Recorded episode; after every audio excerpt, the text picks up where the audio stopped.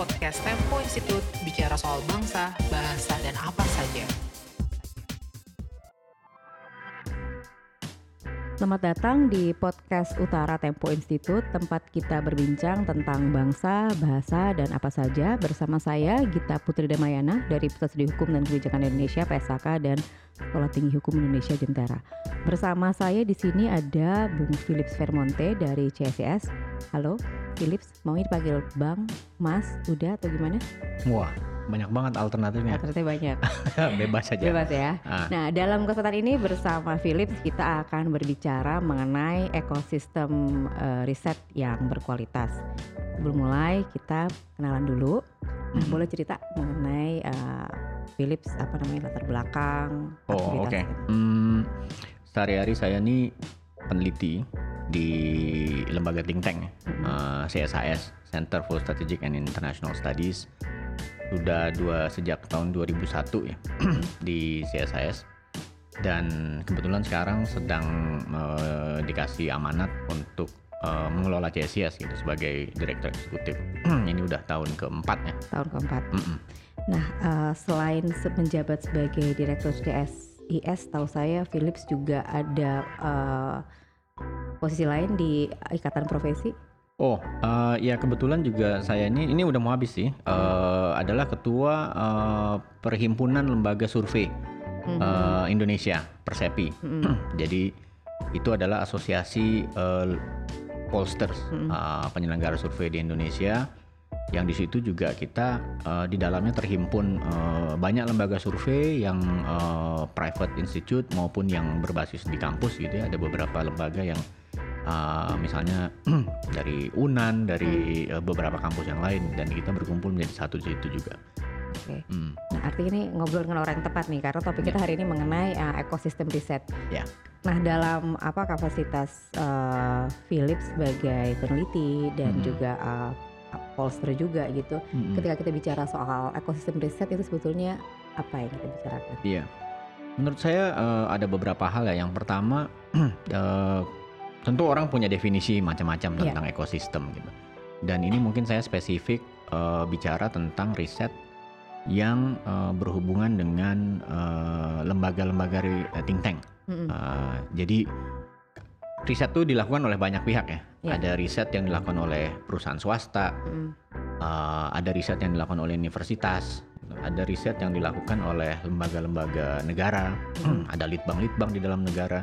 Tapi ada juga uh, lembaga yang menyebut dirinya sebagai think tank yang itu uh, mengklaimnya adalah bahwa ini riset-riset yang sifatnya uh, policy oriented gitu. Hmm. Uh, mungkin dia jadi berbeda dengan ini juga tentu tidak kaku definisinya dengan uh, riset-riset yang dilakukan di kampus-kampus gitu di perguruan tinggi di universitas. Iya. Uh, kalau boleh dibilang mereka mungkin uh, bisa bangga kadang-kadang bilang bahwa oh riset kita tidak policy relevan gitu.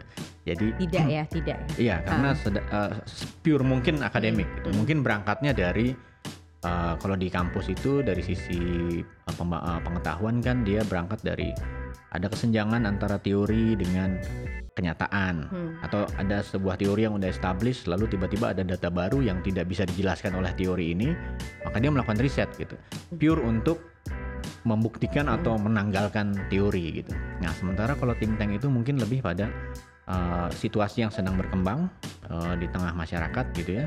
Uh, problemnya apa lalu men- ber- mencoba mencari rekomendasi kebijakan Ya. apa yang dilakukan. Mungkin dari situ tentu ada riset-riset yang sifatnya lebih teknikal gitu. Hmm. Nah, dari sisi think tank menurut saya ada beberapa hal. Yang pertama, tentu kita bicara karena dia sifatnya berorientasi kebijakan, maka yang dibicarakan antara lain para pembuat kebijakan, ya, Mm-mm. policy makers itu bisa negara, bisa uh, lembaga eksekutif, bisa lembaga legislatif, uh, bisa kalau dalam konteks Indonesia pemerintah daerah, Iya. ya kan melakukan Hmm. kebijakan. Yang kedua tentu para researcher sendiri nih, economic uh, ep- epistemic community. Mm. Jadi bagaimana dia punya network karena situasi hari ini masalah kita semakin kompleks, masalah sosial semakin kompleks. eh, tentu eh, muncul spesialisasi-spesialisasi, ya kan? Eh, kayak PSAK misalnya kan fokus di hukum, PSAS mungkin di ekonomi, di isu studi strategi, uh, di politik misalnya. Lalu ada lembaga-lembaga lain yang khusus membahas uh, mendalami uh, isu-isu Kemiskinan, tentang ketimpangan, kemiskinan, ketimpangan, Iya. budget, Mm-mm. ya kan, kayak Fitra. Mm-mm. Jadi itu makin karena uh, masalah kita makin kompleks gitu. Apalagi dalam konteks Indonesia ada A sampai Z Mm. uh, masalahnya gitu dari pusat sampai nasional, daerah sampai Jakarta dan seterusnya. Kemudian yang ketiga tentu uh, adalah uh, orang-orang yang akan terdampak langsung dari kebijakan yang diambil, yang akan diambil atau akan dibuat. Uh, uh, apakah uh, mereka ini juga sedapat mungkin harus terlibat dalam proses-proses pembuatan kebijakan. Yang keempat menurut saya uh, uh, media dan publik in general karena uh, policy itu kan satu dia general, dua harus transportable gitu. Kadang-kadang policy nasional diasumsikan bisa bekerja untuk berlaku untuk di semua daerah atau sebaliknya policy yang bekerja di sebuah daerah mungkin bisa berlaku di daerah yang lain juga gitu. Nah, yang kelima tentu kita bicara soal dalam konteks Indonesia itu kan lagi-lagi uh, bagaimana membiayai semua uh, kegiatan riset ini. Dan saya perhatikan uh, sejauh ini, nah isi dalamnya ada dua komponen menurut saya ada atau tiga ya negara sebagai uh, apa uh, agensi yang punya otoritas ya kan mendisburse budget dan seterusnya. Ada juga perusahaan uh, private companies yang secara punya business interest untuk melakukan riset di bidang Mm-mm. tertentu. Tapi ada juga aspek yang uh, belum banyak berkembang di Indonesia itu mungkin filantropis ya. Oke. Jadi uh, orang-orang yang memang punya kelebihan uang dan dia dengan senang hati gitu karena Iya. dia senang Mm-mm. riset, policy, melihat uh, kebijakan diperbaiki. Jadi dia mengalokasikan sekian persen dari kekayaannya untuk melakukan riset. Ini yang belum tumbuh. Nah ini semua uh, menurut saya adalah satu kesatuan yang di Indonesia kelihatannya masih uh, cerai-berai gitu. Mhm. Uh, karena uh, menurut saya ada beberapa faktor ya. Satu memang mungkin tradisi ilmiah, tradisi riset kita di Indonesia belum terlalu panjang juga, ya kan? Uh, sehingga pem- pembuat kebijakan kadang-kadang tidak sensitif terhadap riset, Hmm. gitu. atau kadang-kadang uh, mengabaikan riset gitu. Karena paling sering tuh kalau kita serang, ah kamu teori aja ngomong kan gitu Iya, iya. itu itu indikasi bahwa mereka nggak sensitif terhadap riset gitu. Yang kedua eh, apa namanya mungkin dalam konteks eh, Indonesia juga eh, yang sekarang saya perhatikan kemarin ada eh, beberapa pemikiran dan statement menarik dari Pak Pak Mendikbud ya Hmm. bahwa yang perlu diintroduksi ke masyarakat itu ke uh, siswa dan seterusnya adalah misalnya critical thinking gitu. Itu komponen yang yang selama ini uh, belum kuat juga di Indonesia itu nggak melahirkan menurut saya tradisi Ya. riset yang uh, yang besar juga. Yang ketiga uh, ini juga tema yang udah lama dibahas. Kenapa kita tidak berkembang? Karena mungkin uh, akibatnya adalah kebijakan yang diambil itu tidak berbasis bukti. Kalau Mhm. istilahnya kan uh, evidence based policy policy, gitu ya. ya. Sehingga bisa jadi uh, alokasi yang dianggarkan untuk menjalankan kebijakan itu tidak akan mencapai tujuannya karena memang Hmm. kebijakannya tidak berbasis pada uh, hasil uh, analisis kajian gitu. Dan ini menurut saya persoalan ekosistem kita secara besar dan uh, impactnya pada uh, apa namanya kebijakan dan mungkin juga pada ujungnya ya tentang kemaslahatan kita semua gitu jadinya Iya, iya. gitu. Nah, ini nih satu pertanyaan yang Hmm. hampir selalu saya tanya ke narasumber yang duduk Hmm. di yang berhadapan gitu ya. Dan eh, saya ingin tahu bagaimana mereka menjawab dari disiplin ilmunya mereka masing-masing Mm, gitu. mm, Jadi eh, jadi saya tuh selalu membayangkan orang-orang yang dengar podcast eh, Tempo Ya. Utara ini itu mbak-mbak naik komuter lain, naik Ya. MRT gitu sekarang. Yang mungkin ada yang rambutnya suka di roll tuh kan ada yang kayak gitu. Terus udah gitu jadi dia sebagai sebagai di jalan tuh sambil dengerin gitu. Mm. Dia nggak nonton YouTube, Mm, mm, tapi dia dengerin dengerin ini dengerin Iya. dengerin podcast Tempo gitu. mm, mm. Nah, kalau misalnya kita bicara soal ekosistem riset ke para mereka ini, yang saya bayangin mereka umurnya, umurnya masih muda-muda mereka gitu ya. Mm. Itu tuh apa impactnya ekosistem riset yang membaik untuk para uh, mereka-mereka ini orang yang sering kita ketemu di MRT, di komuter lain. Ini konteksnya masih Jakarta Iya, iya, sentris ya ngomongnya. Tapi Mm-mm. efeknya apa buat mereka? Menurut saya gini, kalau eh, yang paling simpel ya, eh, contoh favorit saya itu dulu waktu sekolah di, eh, saya lagi ambil doktoral itu saya bekerja untuk seorang profesor sosiolog tapi dia juga profesor statistik ya. Dan uh, hal pertama yang dia suruh saya oprek-oprek data itu adalah melihat data di negara bagian uh, tempat saya sekolah itu uh, Illinois. Dia suruh saya bongkar data melihat uh, performance uh, siswa-siswa uh, apa nih namanya uh, sekolah di negara bagian itu dan hubungannya dengan uh, anggaran pendidikan di negara bagian itu. Hmm. Jadi anggaran pendidikan lalu dibagi dengan jumlah sekolah dan per kepala uh, siswa jadi kelihatan gitu. Di, misalnya ya SDA menerima berapa SDA menerima berapa uh, berapa dolar per kepala selama setahun, SDB berapa dan seterusnya. Itu uh, terlihat bahwa semakin banyak dana yang dialokasikan untuk uh, sekolah nggak berhubungan dengan kenaikan performance anak-anak di Oh, oke. uh, apa Menarik. namanya uh, waktu uh, nilai-nilainya Hmm, gitu hmm, hmm. nilai matematika nilai ilmu sosial Hmm. tuh ternyata faktornya bukan itu Faktornya bukan faktornya itu. bukan penambahan anggaran gitu jadi uh, menurut saya itu menarik karena kalau kita membuat policy nggak berbasis riset secara normatif kita merasa bahwa pendidikan itu anggarannya harus dibesarkan karena kita membayangkan kalau uangnya banyak outputnya bagus Outputnya gitu. bagus.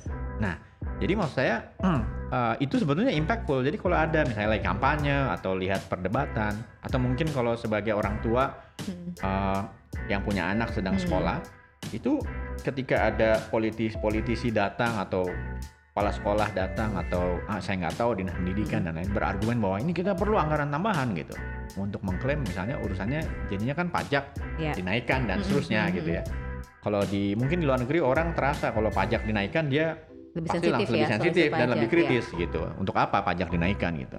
Nah, itu sebetulnya sangat impactful kalau kita menyadari bahwa ada kebijakan-kebijakan yang kalau tidak berbasis research itu adalah eh, menyia-nyiakan uang, wasting money, wasting time juga gitu. Iya, iya.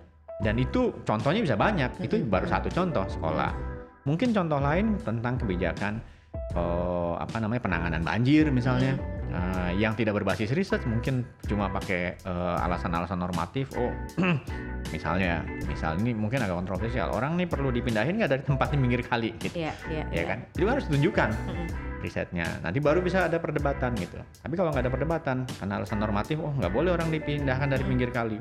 Padahal membahayakan dia dan membahayakan orang lain. Atau sebaliknya dia bisa tetap tinggal di pinggir kali dengan Dengan certain kind of syarat-syarat policy tertentu, ya. kan gitu. Nah itu menurut saya sebetulnya kalau masyarakat semakin kritis, maka dia akan terus menerus mempertanyakan kebijakan. Hmm. Dan karena itu dia akan membutuhkan eh, apa namanya bukti-bukti, Hmm. evidence untuk setiap kebijakan yang mau diambil. Mungkin kita belum sampai jauh ke sana, tapi saya kira udah mulai sebetulnya karena ada macam-macam perkembangan ya Iya, iya. pemilihan langsung, Mm-mm. orang bisa langsung berdebat dan Mm. lain-lain gitu. Jadi itu hubungannya banyak sekali gitu. Kayak ini nih kalau tadi tadi Philip sudah ngomong pemilihan langsung artinya udah langsung masuk ke konten nih jadinya Iya, ya iya. konten berbagai pihak maksudnya. Tapi kalau misalnya analoginya kalau misalnya saya gitu ya, PSK itu kan uh, sektornya hukum itu ketika misalnya presiden menyebutkan uh, menciptakan lapangan kerja dengan omnibus law dan akan Mm-mm. menerabas 74 Mm-mm. undang-undang gitu Iya. kita ha- harus butuh sebetulnya kita butuh pembuktian dulu dalam bentuk Kajian dalam yang bentuk panjang. kajian. Iya. apakah betul solusinya adalah uh, Iya. misalnya omnibus law gitu Mm-mm. Kajiannya itu bisa bukan hanya dilak yang tadi bukan hanya dilakukan oleh uh, pemerintah gitu. Karena mungkin hukum-hukum ini akan uh, omnibus law ini akan uh, punya impact pada banyak sekali Banyak stakeholders stakeholders, gitu. ya, 74 Dan karena itu prosesnya memang harus panjang gitu. Contoh lain juga misalnya apa? Pemindahan ibu kota gitu yang lagi Hmm. yang lagi eh, ramai gitu ya. Nah, apakah ah, akan dilakukan itu diskusi yang panjang mengenai itu aspek lingkungan, aspek ekonomi, aspek macam-macam gitu.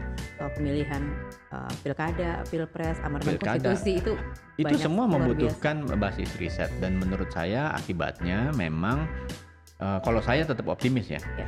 Karena itu justru memang hanya bisa berkembang riset atau policy yang sensitif terhadap riset atau policy yang berbasis bukti ini hanya bisa berkembang kalau negaranya demokratis gitu. Karena negara yang demokratis itu mengandaikan semua orang berpartisipasi eh, termasuk researcher, termasuk mungkin media, kelompok kepentingan dan lain-lain gitu. Kalau itu ditutup itu agak susah gitu. Karena yang kita harapkan kan uh, benign uh, ada diktator yang baik gitu.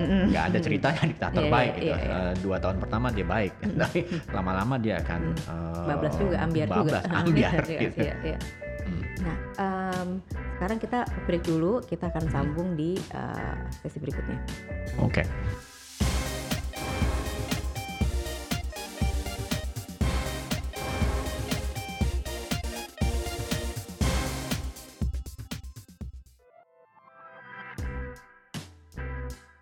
Selamat datang lagi di podcast Utara Tempo Institute, tempat kita berbincang tentang bahasa, bangsa, dan apa saja. Bersama saya Gita Putri Damayana dari Pusat Studi Hukum dan Kebijakan Indonesia (PSHK) dan Sekolah Tinggi Hukum Indonesia Jentera. Bersama saya di sini ada Bang Philip Sermonte dari CSIS. Halo lagi, Philip. halo Dalam kesempatan ini di segmen kedua bersama Bang Philips kita akan kembali membicarakan mengenai ekosistem riset yang ideal. Nah, Bang Philips em, tadi Bang Philips sudah menyebutkan mengenai aktor-aktor eh, dalam ekosistem riset ya, ada pemerintah, ada swasta dan Hmm. ada eh, lembaga riset itu sendiri, ada kampus, akademisi dan apa namanya eh, dan pemerintah pun masih terbagi lagi pemerintah pusat, pemerintah daerah gitu dan juga Hmm. masih ada legislatif. Nah, perspektif apa yang harusnya uh, beroperasi di masing-masing aktor produsen pengetahuan ini ketika Hmm. mereka harus berbicara mengenai uh, ekosistem riset? yang pertama menurut saya karena tadi yang kita bicarakan riset yang uh, berorientasi kebijakan ya policy oriented research jadi menurut saya yang paling pertama harus disadari oleh semua uh, pihak ini multi pihak dalam ekosistem research adalah bahwa yang pertama sumber daya kita terbatas Hmm. Karena itu sumber daya yang terbatas itu kemudian harus didistribusikan secara efisien Uh, dan kemudian bisa punya impact yang banyak. Hmm. Karena itu memang dia berarti harus eh, berdasarkan pada sebuah kajian yang eh, konsisten, sistematik dan lain-lain karena karena karena kita punya resources itu terbatas. Kalau kita punya abundant of resources gitu kan, orang bisa eh, trial and error kan Iya, gitu iya. kan. Tetapi karena sumber daya kita terbatas, maka memang dia harus eh, didasarkan pada riset-riset. Nah, ini yang harus di menurut saya eh, disadari betul yang paling pertama oleh orang-orang yang ada di ekosistem. Karena itu mereka harus punya attitude eh, yang friendly terhadap riset. Gitu. Friendly terhadap riset itu eh, impactnya bisa macam-macam. Bahwa mereka kemudian atau kita semua menyadari bahwa perlu eh, alokasi yang sufficient, sufficient untuk eh, kegiatan-kegiatan yang eh, berbasis riset, pengembangan riset dan lain-lain. Kemudian mm, attitude yang kedua adalah tentu saja eh, bahwa mereka harus eh, terbuka terhadap hal-hal yang mungkin eh, bertentangan dengan keyakinan gitu. Hmm, hmm, hmm. Bertentangan dengan keyakinan karena risetnya membuktikan bahwa yang harus diambil misalnya adalah sebaliknya Eh, dari apa yang sebaliknya. diyakini Iya. gitu. Nah, Tapi ini bentar, juga bentar, saya takut Hmm. saya takut jadi saya salah paham nih ketika Hmm. berbicara soal uh, sumber daya resources resources yang terbatas oh itu anggaran dan itu apa, lain-lain. itu apa aja ininya apa uh, materinya itu apa aja gitu bisa Oh, macam-macam eh, kan soalnya terutama kan soal anggaran, Anggaran. ya, soal anggaran dan juga sumber daya, Sumber daya manusianya. manusianya gitu. sumber daya manusia terbatas, eh, mungkin kualifikasi juga terbatas, ya kan? indikatornya pisah begitu eh, Salah nanti soal-soal bisa bisa diskusi lain lagi, Eh. tetapi eh, intinya adalah bahwa sumber daya kita terbatas. Nah karena itu menurut saya ini tiga tiga sikap yang harus eh, paling utama di- dipegang oleh eh, semua eh, pihak ini gitu. Dan yang paling berat sebetulnya adalah eh, apakah attitude mereka terhadap riset itu apa terbuka atau tidak. Karena sering kali riset itu mendibang, me- me- meruntuhkan Iya, iya, gitu loh ya iya. eh, keyakinan-keyakinan gitu. Selama ini yang diyakini adalah A gitu ya, kemudian riset membuktikan ternyata A itu salah gitu, Mm. harus B kan gitu. ada mau kasih contoh nggak Eh, banyak ya menurut saya kalau dalam ilmu sosial ya. Mm-mm. Misalnya apakah eh, pemilih kita itu dari sisi ilmu eh, elektoral ya, Mm-mm. Pemilih kita itu memilih berdasarkan agama atau berdasarkan eh, pertimbangan rasional gitu. Jadi apakah agama menjadi jadi kunci faktor oh. menjadi faktor Hmm. gitu. Mungkin pada beberapa pemilu eh, beberapa kasus yang sangat eh, apa nih namanya sangat signifikan gitu, memang iya gitu. Contoh misalnya eh, pilkada Pilkada DKI. Pilkada DKI itu sangat terlihat gitu Hmm. dari data-data gitu ya dari data-data survei kita bisa Hmm. lihat gitu. tapi kemudian kalau diyakini bahwa seluruh masyarakat Indonesia hari ini memilih berdasarkan agama itu eh, belum tentu juga gitu Belum itu juga. Ah, ah, karena di misalnya di pilkada tempat lain berikutnya itu nggak kelihatan gitu kan Hmm, hmm, eh, apa namanya faktor-faktor agama atau bahkan misalnya ah, pilpres misalnya kita Hmm. anggap faktor agama cukup kuat memang tetapi jangan-jangan kalau kita telisik lebih dalam lagi sebetulnya bukan faktor agama yang paling kuat mungkin faktor ketimpangan ekonomi Hmm, yang hmm. kemudian di blend sama agama jadi agama nih faktor ikutan gitu Iya, iya, iya. yang mem- yang membungkus sentimen-sentimen ekonomi yang eh, yang masif gitu eh, terjadi di Indonesia gitu. Nah, kalau itu nggak dibuka, nggak didiskusikan terbuka dan lain-lain, eh, akibatnya kita hanya nah mungkin sering kali satu masalah dijelaskan hanya dengan satu faktor Hmm, hmm. kan gitu kan. Padahal mungkin sifatnya multidimensional Multidimensional, gitu. ya. Dan ini yang menurut saya eh, sangat penting kita sadari. Ini ini saya mengingatkan saya ke seminarnya KPK hari Rabu kemarin Mm-mm. yang bertemakan eh, korupsi dan investasi. Jadi kan Ya. pernyataannya itu korupsi itu eh, meng- apa investasi korupsi itu eh, Mm-mm. berpengaruh terhadap Mm-mm. eh, Mm-mm. investasi gitu ini berpengaruh secara positif. Nah terus salah satu narasumber Bang Faisal Basri kemudian ngasih lihat data-data yang menyangkal eh, statement tersebut. Ini kurang lebih kayak begitu pendekatannya yang bisa harus jadi diambil iya, ya. iya. Walaupun dulu ada yang pernah kontroversial ya. Eh, kalau saya nggak salah, eh Fadlizon yang bilang bahwa hmm, Baru dapat award beliau. Baru dapat award. oh iya, ya. Dia kalau nggak salah bilang bahwa korupsi itu eh, diperlukan untuk apa ya dia bahasanya saya lupa. Tapi kira-kira bahwa Melicinkan eh, melicinkan, pembangunan ya. melicinkan Iya, iya, pembangunan iya. gitu. Seingat saya memang pernah ada riset, tapi saya lupa betul. Teman-teman yang di ekonomi pasti Iya, tahu iya. gitu. Tetapi itu sebetulnya sifatnya adalah sampai pada titik tertentu Mm-mm. mungkin dia bisa melicinkan bangunan Hmm. gitu. Tetapi pada threshold tertentu Betul, dia akan sangat menghambat mengganggu, gitu, iya, iya, Eh, eh, menghambat pembangunan gitu. Dan kemarin juga eh, saya sempat eh, olah-olah lihat-lihat data Hmm. eh, terkait apa nih namanya? Nah, ini yang menarik nih demokrasi, freedom dengan Human Development Index, kualitas pembangunan manusia Hmm. gitu ya. Kan ada lembaga-lembaga yang eh, terus-menerus mengeluarkan data. Eh, misalnya kalau Freedom Index itu ada lembaga namanya Freedom House Survey Freedom kan, House. eh, yang yang merilis data setiap tahun ranking negara-negara eh, posisinya di mana terkait demokrasi gitu ya dengan metodologi sedemikian rupa gitu. Tentu ada kelemahan-kelemahan metodologis, Hmm. tapi karena metodologi yang sama diterapkan untuk semua negara berarti oke lah bisa Iya. dipakai. Kemudian Human Development Index juga dirilis tiap tahun oleh UNDP, ya kan. Lalu kalau kita plot datanya, Indonesia ini sejak tahun 1995, ya kan. Kalau kita plot, eh ini mesti dibayangkan ya. Mm-mm. Kalau sumbu eh, Y-nya itu freedom, sumbu X yang horizontal itu Human Development Index. Kita itu Indonesia itu freedomnya eh, demokrat tingkat demokrasinya itu nggak berubah, Mm-mm. naik turun dikit aja terus-terusan Oh. gitu. Ini ngobrol lagi sama anak hukum yang sumber nya sangat bermasalah nih. Penempatannya di mana nih? Oke. Ya, kira-kira gini. Yang mendatar ya. Iya, iya, ya, Y, eh, X yang mendatar. Kan benar kan X yang mendatar. Nah, eh, tapi intinya begini, pokoknya bahwa freedom kita itu naik turun dan kita makin demokratis, terus ka- kadang-kadang ada turunnya menjadi kurang demokratis seperti sekarang nih.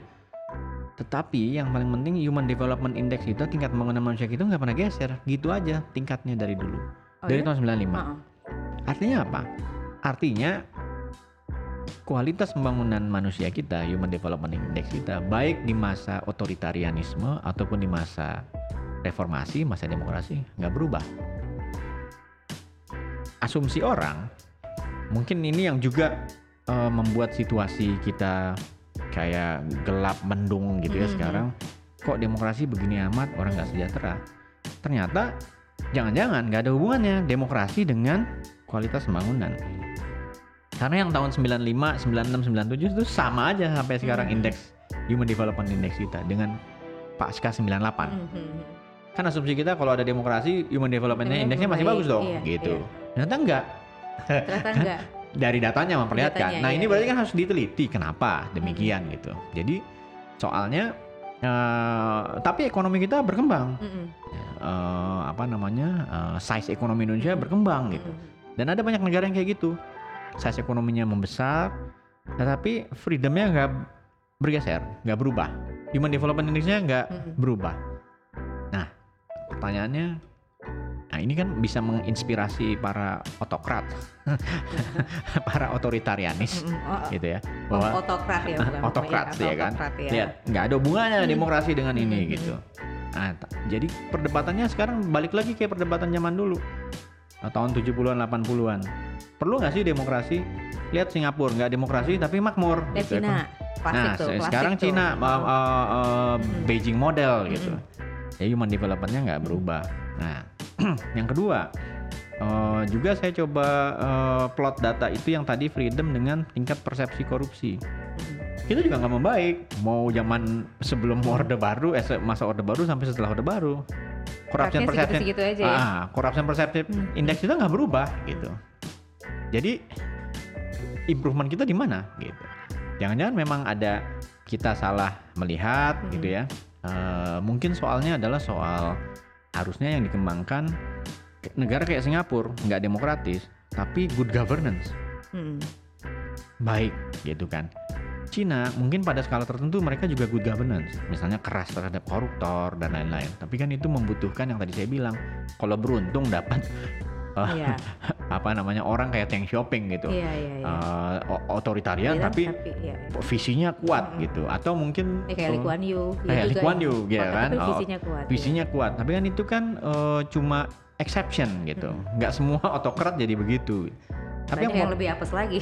ada yang yang lebih apes sering apesnya lebih gitu. sering apesnya. Nah, tapi intinya adalah bahwa oh ternyata hmm, soal demokrasi juga banyak sekali elemen-elemennya gitu. Tapi kan kita mungkin eh, membuat otokrat ini punya inspirasi, tapi kalau kita oprek datanya kita bisa tunjukkan sama dia. Hmm, enggak juga. Kalau kamu bilang eh, freedom nggak ada hubungannya dengan Human Development Index, berarti kalau gitu nggak pengaruh eh, freedom dibatasi atau nggak dibatasi gitu. Karena ada sekelompok negara yang dari dulu freedomnya bagus, Human Development Indexnya bagus, ada juga Itu gitu. secara kuantitas lebih banyak yang seperti itu. Sekarang secara kuantitas lebih banyak yang enggak, karena itu kan Oh. negara-negara demokrasi maju Iya, ya, iya, yang iya. udah udah duluan Iya, sudah duluan, mapan iya. gitu. Tapi ada yang naik turun karena seperti misalnya Korea Selatan, ya kan? Orang Korea- sering lupa tuh soal Korea Selatan. Loh, nah ini Soal yang itu menarik ya. Oke, orang tuh. kita lagi riset soal ini di CSIS. Saya itu penasaran kenapa Korea Selatan itu dulu tahun-tahun 70-an miskinnya sama kayak Indonesia. Level pembangunan ekonominya, Punya punya Otoritarian. uh, rezim militer, Rezim militer, hmm, sama persis gitu. Tapi dia demokratisasi duluan tahun 80-an kan. Dan Indonesia baru 10 tahun kemudian rezim eh, Orde Baru yang ditopang militer tumbang gitu ya.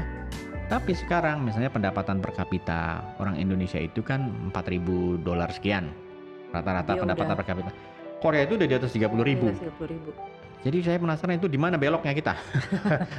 Kalau dia dia sekarang bisa kayak begitu kita eh, kayak nggak bergerak gitu. Itu kalau kalau mau ngasih knee jerk response gitu ya soal Korea Hmm. Selatan misalnya mungkin nggak karena di Korea Selatan mereka konflik konflik tarian, konflik religi yang mungkin lebih minim dibanding dan mereka cenderung homogen di situ kan dibanding Indonesia. Bisa eh, itu mungkin salah satu faktor. Mungkin faktor lain adalah eh, ini eh, mereka nggak punya sumber daya alam gitu.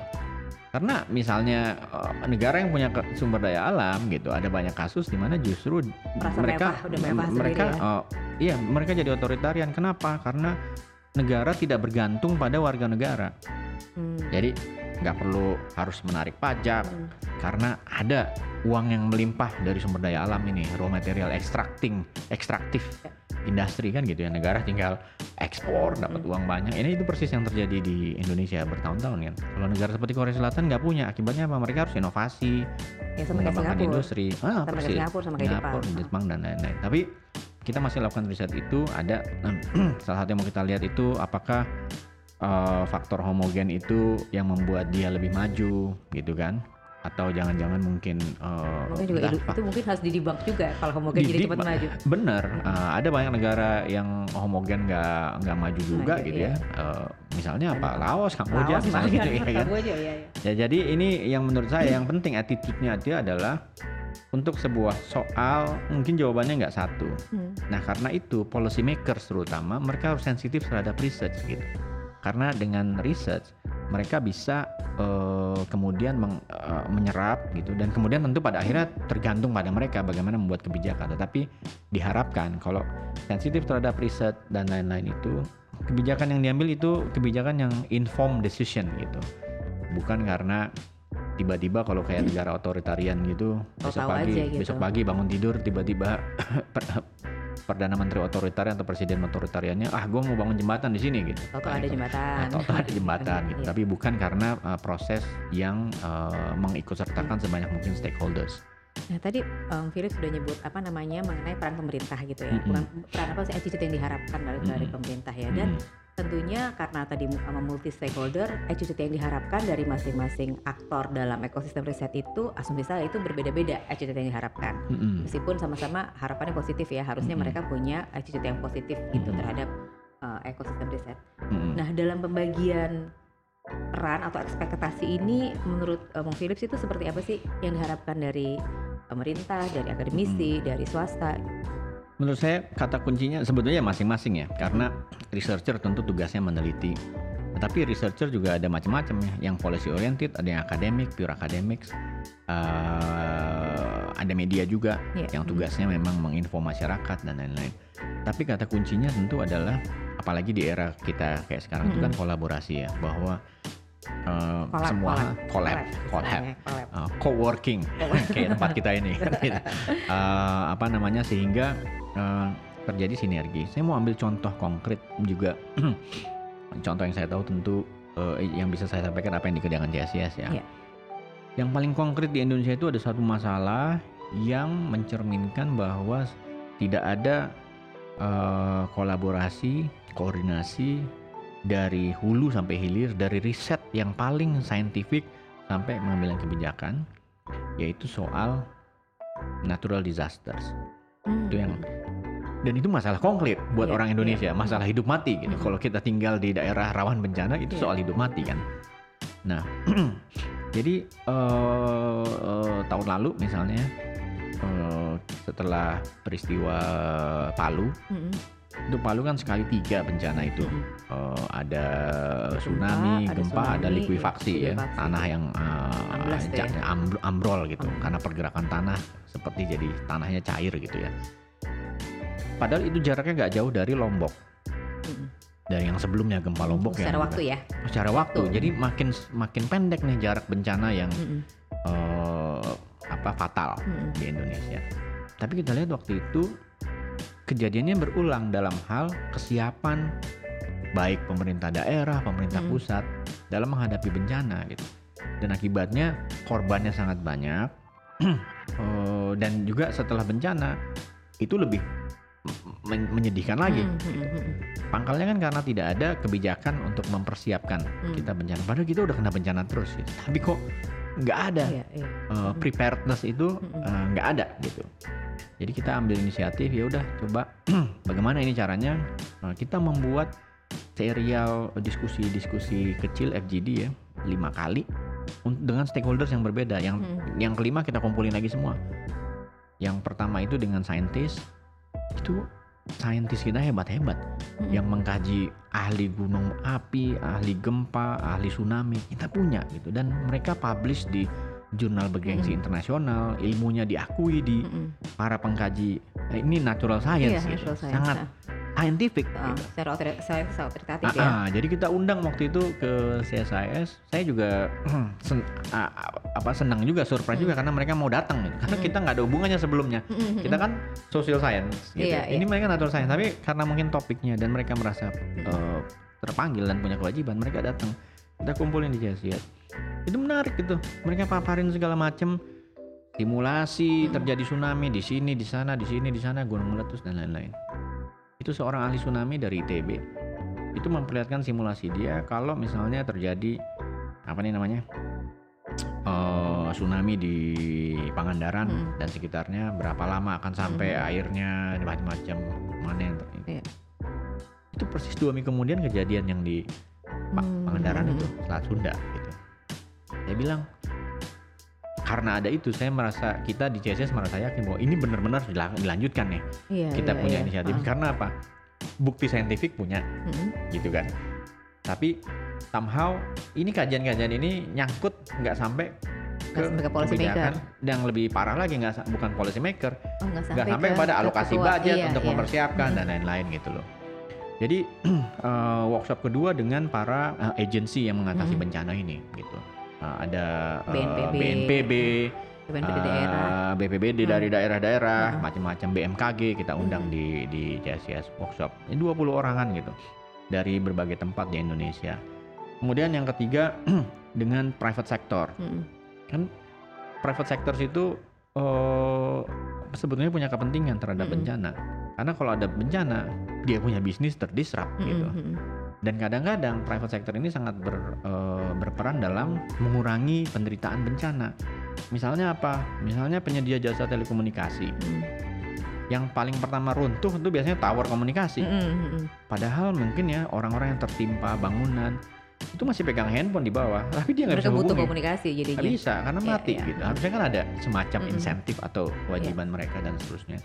Kemudian terakhir dengan Pemda-Pemda kita undang dan kita workshop menghasilkan hampir lima kali menghasilkan sebuah uh, framework gitu yang pangkal soalnya semuanya dari lima workshop selama setahun kita lakukan ini mereka semua tahu bahwa yang tidak ada adalah koordinasi semua orang bicara tentang itu tetapi tidak ada yang bisa menyelesaikan Nggak ada soal command controlnya, nggak ada focal point, mostly ada gitu. iya dan Hmm, nggak nggak ada ada koordinasi ya, nggak ada koordinasi. mungkin nggak sensitif terhadap riset juga Oh. gitu loh jadi eh, yang researcher nggak percaya mungkin sama pengambil kebijakan Mm-mm. gitu. Eh, dan juga karena banyak dari mereka misalnya riset mereka itu eh, saya diceritakan nih sama para ahli. Dia bilang eh, wah kita senang ada acara ini. Kalau boleh satu hal dia bilang. Mereka bilang nih kalau ada buat peneliti bencana tsunami dan lain-lain mereka bisa melakukan riset yang sangat dan di- diperlukan untuk memahami bencana itu Mm. persis segera setelah terjadi bencana jadi kalau ada tsunami Mm-mm. itu kan mungkin ada sedimen ta- tanah Iya, di bawah iya. yang terangkat lalu dia akhirnya bisa lihat tapi itu nggak ada eh, dana untuk itu akhirnya peneliti luar negeri yang datang mereka diajak sih Iya, iya. gitu loh tetapi menurut mereka harusnya mereka yang duluan masuk Mm, gitu. Eh, eh, karena nggak ada aja eh, apa namanya Nggak ada visinya. ya menurut saya nggak ada visi Heeh. uh, terkait anggaran, terkait uh, bahwa ini harus difasilitasi dan mungkin juga terkait dengan private sector gitu. Nah ini menurut saya yang harus banyak sekali lah. Hmm. Tapi saya sih tetap optimis Tetap ya. optimis hebat, tetap optimis. Emang harus ya nggak ada pilihan ya. Nggak ada pilihan. Nah, em, sekarang ini kan eh, udah eh, telah hadir ada beberapa kebijakan dan regulasi yang Iya. bertujuan mendukung ekosistem riset gitu. Terakhir kita tahu ada undang-undang Sisnas uh, Hmm. ITEK, Iya. kemudian ada peraturan pemerintah 45 2009 Mm-mm. tentang insentif riset. Tapi ini khususnya uh, untuk riset yang sifatnya inovasi ya, jadi nggak berhubungan Hmm. langsung dengan kebijakan. Mm-mm. Nah, uh, cuman kalau kita teliti materinya itu kadang mereka saling kontradiktif satu sama lain. Iya. Misalnya peraturan pemerintah mendorong inovasi, tapi di sisi lain uh, undang-undangnya ternyata memberikan uh, disinsentif atau hambatan untuk peneliti melakukan uh, inovasi gitu ya. Iya. Menurut uh, Philip sendiri, Iya. hal-hal seperti ini sebaiknya disikapi seperti apa dengan bagaimana? Iya.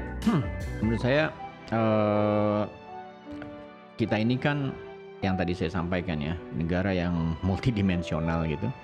Ada aspek-aspek eh, pragmatik gitu ya yang menghubungkan antara misalnya natural science dengan social science gitu. Eh, bencana itu contoh yang paling konkret yang bisa menghubungkan natural science dengan social science gitu.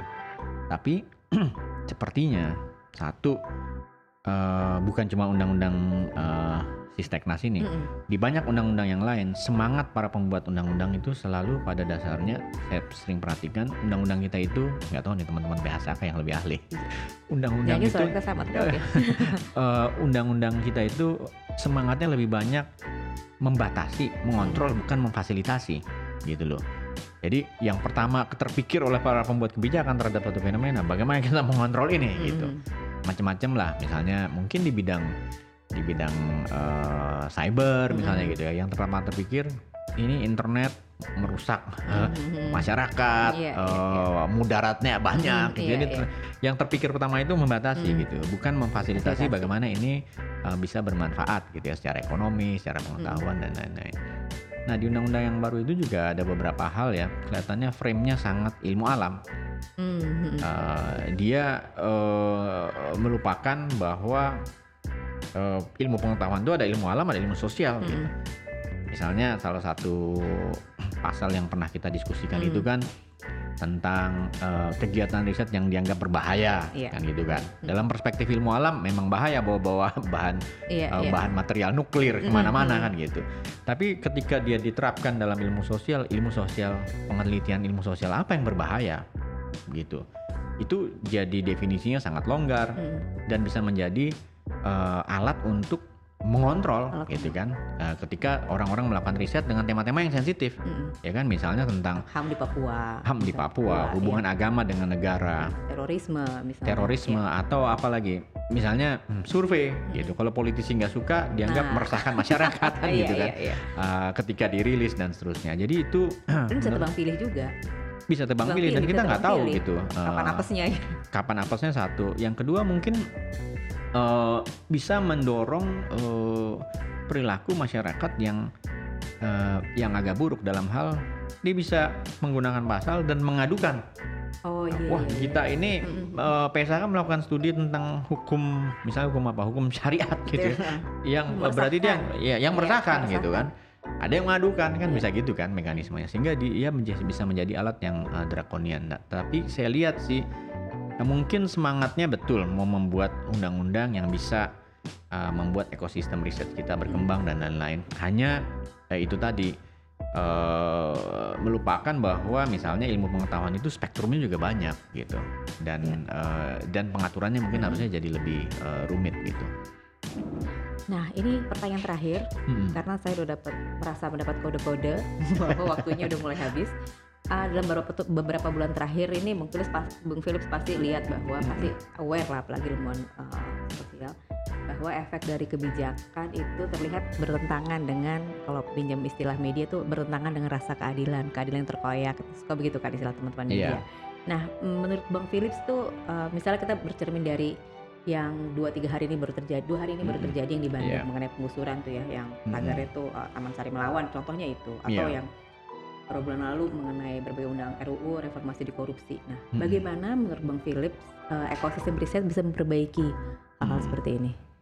Eh, menurut saya ini persoalan pelik ya karena itu kan eh, case gitu.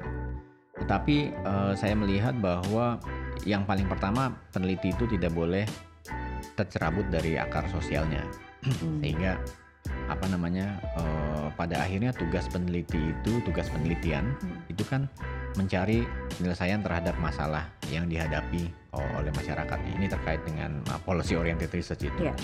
Sehingga mungkin dia bisa uh, lebih balance dan juga mungkin cara-cara baru mengadvokasi penelitian itu juga diperlukan gitu. Hmm. Kalau se- selama ini mungkin eh, kita buat research kemudian dipublish di jurnal udah seneng, Hmm. eh, dibuat eh, buku Hmm. udah seneng gitu. Hmm. Tetapi yang kurang mungkin bagaimana sebetulnya apa yang kita rekomendasikan menurut hasil riset kita itu baik harus betul-betul bisa diadvokasi kepada para pembuat kebijakan untuk betul-betul diadopsi. Hmm. Nah selama ini mungkin perspektif kita tentang advokasi riset ini eh, masih kurang gitu ya Hmm. sehingga mungkin memang kita udah melakukan riset kadang-kadang ada kayak gini misalnya ada bencana gitu ya Hmm. ntar ada pasti ada yang muncul saya udah pernah riset tuh Hmm. gitu kan Hmm. Eh, kita kita sangat menghargai itu tapi kan persoalannya kenapa tidak menjadi kebijakan Kenapa nggak sampai gitu nggak ya? sampai Hmm. kalau kemudian penelitinya menganggap tugas saya cuma riset mungkin hari ini itu nggak cukup dia harus bisa mengadvokasi hasil riset-risetnya ini untuk betul-betul didengar dan kalau bisa dijadikan kebijakan oleh eh, para pembuat kebijakan gitu. Nah, eh, ini berefleksi lagi dari dari dari statementnya Mm-mm. Bang Philips ya. Kadang-kadang eh, ada eh, mat- ada banyak sekali eh, topik-topik atau aspek-aspek yang kita udah merasa udah maksimal, dan berarti kita udah bikin studinya, kita Mm-mm. udah ketemu decision maker, tapi hasilnya masih bukan sekedar nggak sama dengan bukan kan tuntutannya memang nggak nggak mungkin semua pihak puas, Iya. tapi betul-betul bertentangan dengan uh, logika gitu misalnya. Iya. Nah, apa namanya? eh, saya khaw- khawatir kalau misalnya eh, contoh seperti ini yang selalu Mm. terlihat, selalu berulang. Hmm. eh, kemudian buat generasi yang lebih muda itu di, mereka jadi apatis Terhadap riset. terhadap bukan terhadap riset satu hal Nggak dan mau jadi researcher. Lebih itu, parah. itu udah pasti sih. Tapi ngelihat melihat apa namanya Mm-mm. kita kita kita ngapain lagi? Ini Mm-mm. saya ngebayangin nih anak-anak yang kemarin aksi tanggal 25 26 itu Mm-mm. mereka kalau mereka merasa udah berusaha terus Mm-mm. begitu udah mereka tahu senior-senior mereka mereka udah udah usaha juga Iya. tapi mesti tetap membentur tembok gitu. Jadi untuk memelihara optimisme tadi seperti Bang Filus bilang itu yang harus mindset apa sih yang kita harus punya jadinya? Menurut saya eh, kita nih kayak di mitologi Yunani itu Sisyphus. Sisyphus ya. Batunya tapi bukan batu, tapi apa? Ya, memang harus dorong lagi kalau jatuh lagi mau kita harus dorong lagi ke atas. Kan Hmm. itu itu kayak kutukan buat para eh, para advokat kebijakan ya. Iya. Eh, dan menurut saya sa- kalau menyinggung soal anak-anak muda ini, kalau saya justru melihatnya yang kemarin mereka demonstrasi itu yang dua hari, Hmm. kita waktu itu lagi rapat di suatu tempat ya kan, Mm-mm. Eh, kita kayak frustasi, Mm-mm. ini kayak nggak ada ujungnya mahasiswa Mm-mm. kayak nggak ada, tahu-tahu mahasiswa dua Iya. hari, Mm-mm. eh, dua hari pertama Iya, maksudnya, Iya benar ya, iya benar ya. iya dua hari benar. pertama tiba-tiba Mm-mm. wah sangat bisa uh, Mm-mm. menekan uh, waktu itu DPR yang uh, orang-orang tua gitu Mm-mm. generasi kolonial ini nggak bisa diem melakukan aja, nggak bengong aja gitu iya ya. dan menurut saya karena itu itu kan pelajaran yang selalu berulang di Indonesia bahwa ketika semua orang buntu Mm-mm. kemudian ada anak-anak ini Yang mendobrak selalu mereka memang. Salah mereka satu. Yang kedua, nah, contoh lain yang saya suka itu adalah saya rasa anak muda sekarang punya bahasa yang lain dalam menyelesaikan masalah. Hmm. Misalnya dalam hal pemilu. Ingat tahun 2014 Hmm. itu selisih suara Pak Jokowi dengan Pak Prabowo cuma 5% atau ya, Hmm. 5% sekian ya. Dan kemudian eh, Pak Prabowo menolak mengakui hari itu Mm-mm, mm-mm, bahwa eh, Pak Jokowi menang. mm-mm. Akibatnya soalnya panjang kan ke MK Iya, eh, iya. eh, menunggu pengumuman Mm-mm. eh, Pak Prabowo menolak. Bikin event juga kalau nggak salah deh. Hah? Iya, Pak Prabowo bikin event juga kalau nggak salah Iya, saya. iya, ya pokoknya dia menolak Iya, quick hmm. count exit poll waktu Hmm, itu gitu.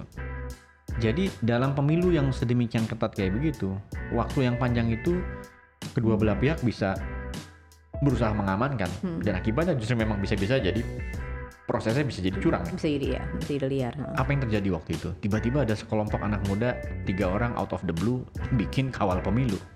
Hmm, Iya nggak? Iya, iya. yang iya. kita disuruh mendownload Mm-mm. formulir Iya, C4, iya, iya, iya. download, lihat, hitung, upload lagi, ketik jumlahnya, cek kita ada di mana, ya kan? Oh, lalu pakai algoritma, boom, seminggu selesai dia hitung.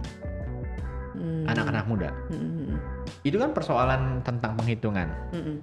Kan itu anak-anak muda itu bilang begini, "Eh, ini orang-orang tua, kamu ada masalah ngitung." nggak bisa ngitung, nunggu lama KPU, Mm-mm. ya kan, sebulan. Mm-mm. Padahal nih pemilunya ketat, bisa ya udah bisa dua-dua belah pihak dalam sebulan itu bisa Mm-mm. mati-matian kan Mm-mm. gitu, eh, Tiba-tiba mencurangi. Iya, iya. Nah, ini loh ada caranya teknologi gitu kan sebetulnya basically anak-anak muda itu bilangnya begitu Mm-mm.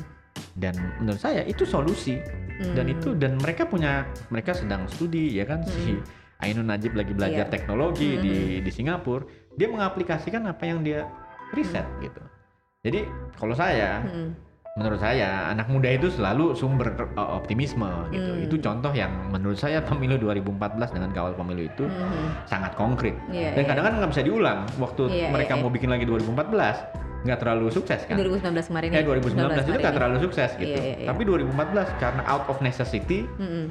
waktu yang sangat mendesak Mm-mm. membuat mereka bisa melakukan itu jadi kalau saya dari sisi itu anak muda itu akan tetap uh, sumber yang baik lah Sumber yang selalu bisa jadi inspirasi bisa ya. jadi ya Oke, terima kasih waktunya Bung Philips. oke Kita telah berdialog bersama Philip Sermonte, Direktur Eksekutif CSIS. Terima kasih Anda telah mendengarkan podcast Utara dari Tempo Institute. Podcast Utara dipersembahkan oleh Tempo Institute, Center for Excellence Journalism. Pastikan Anda mengikuti podcast ini di kanal video.tempo.co di Spotify, Anchor, dan di YouTube Tempo Institute. Khusus edisi terakhir ini juga ditayangkan di The Grey Hipster di Spotify dan iTunes.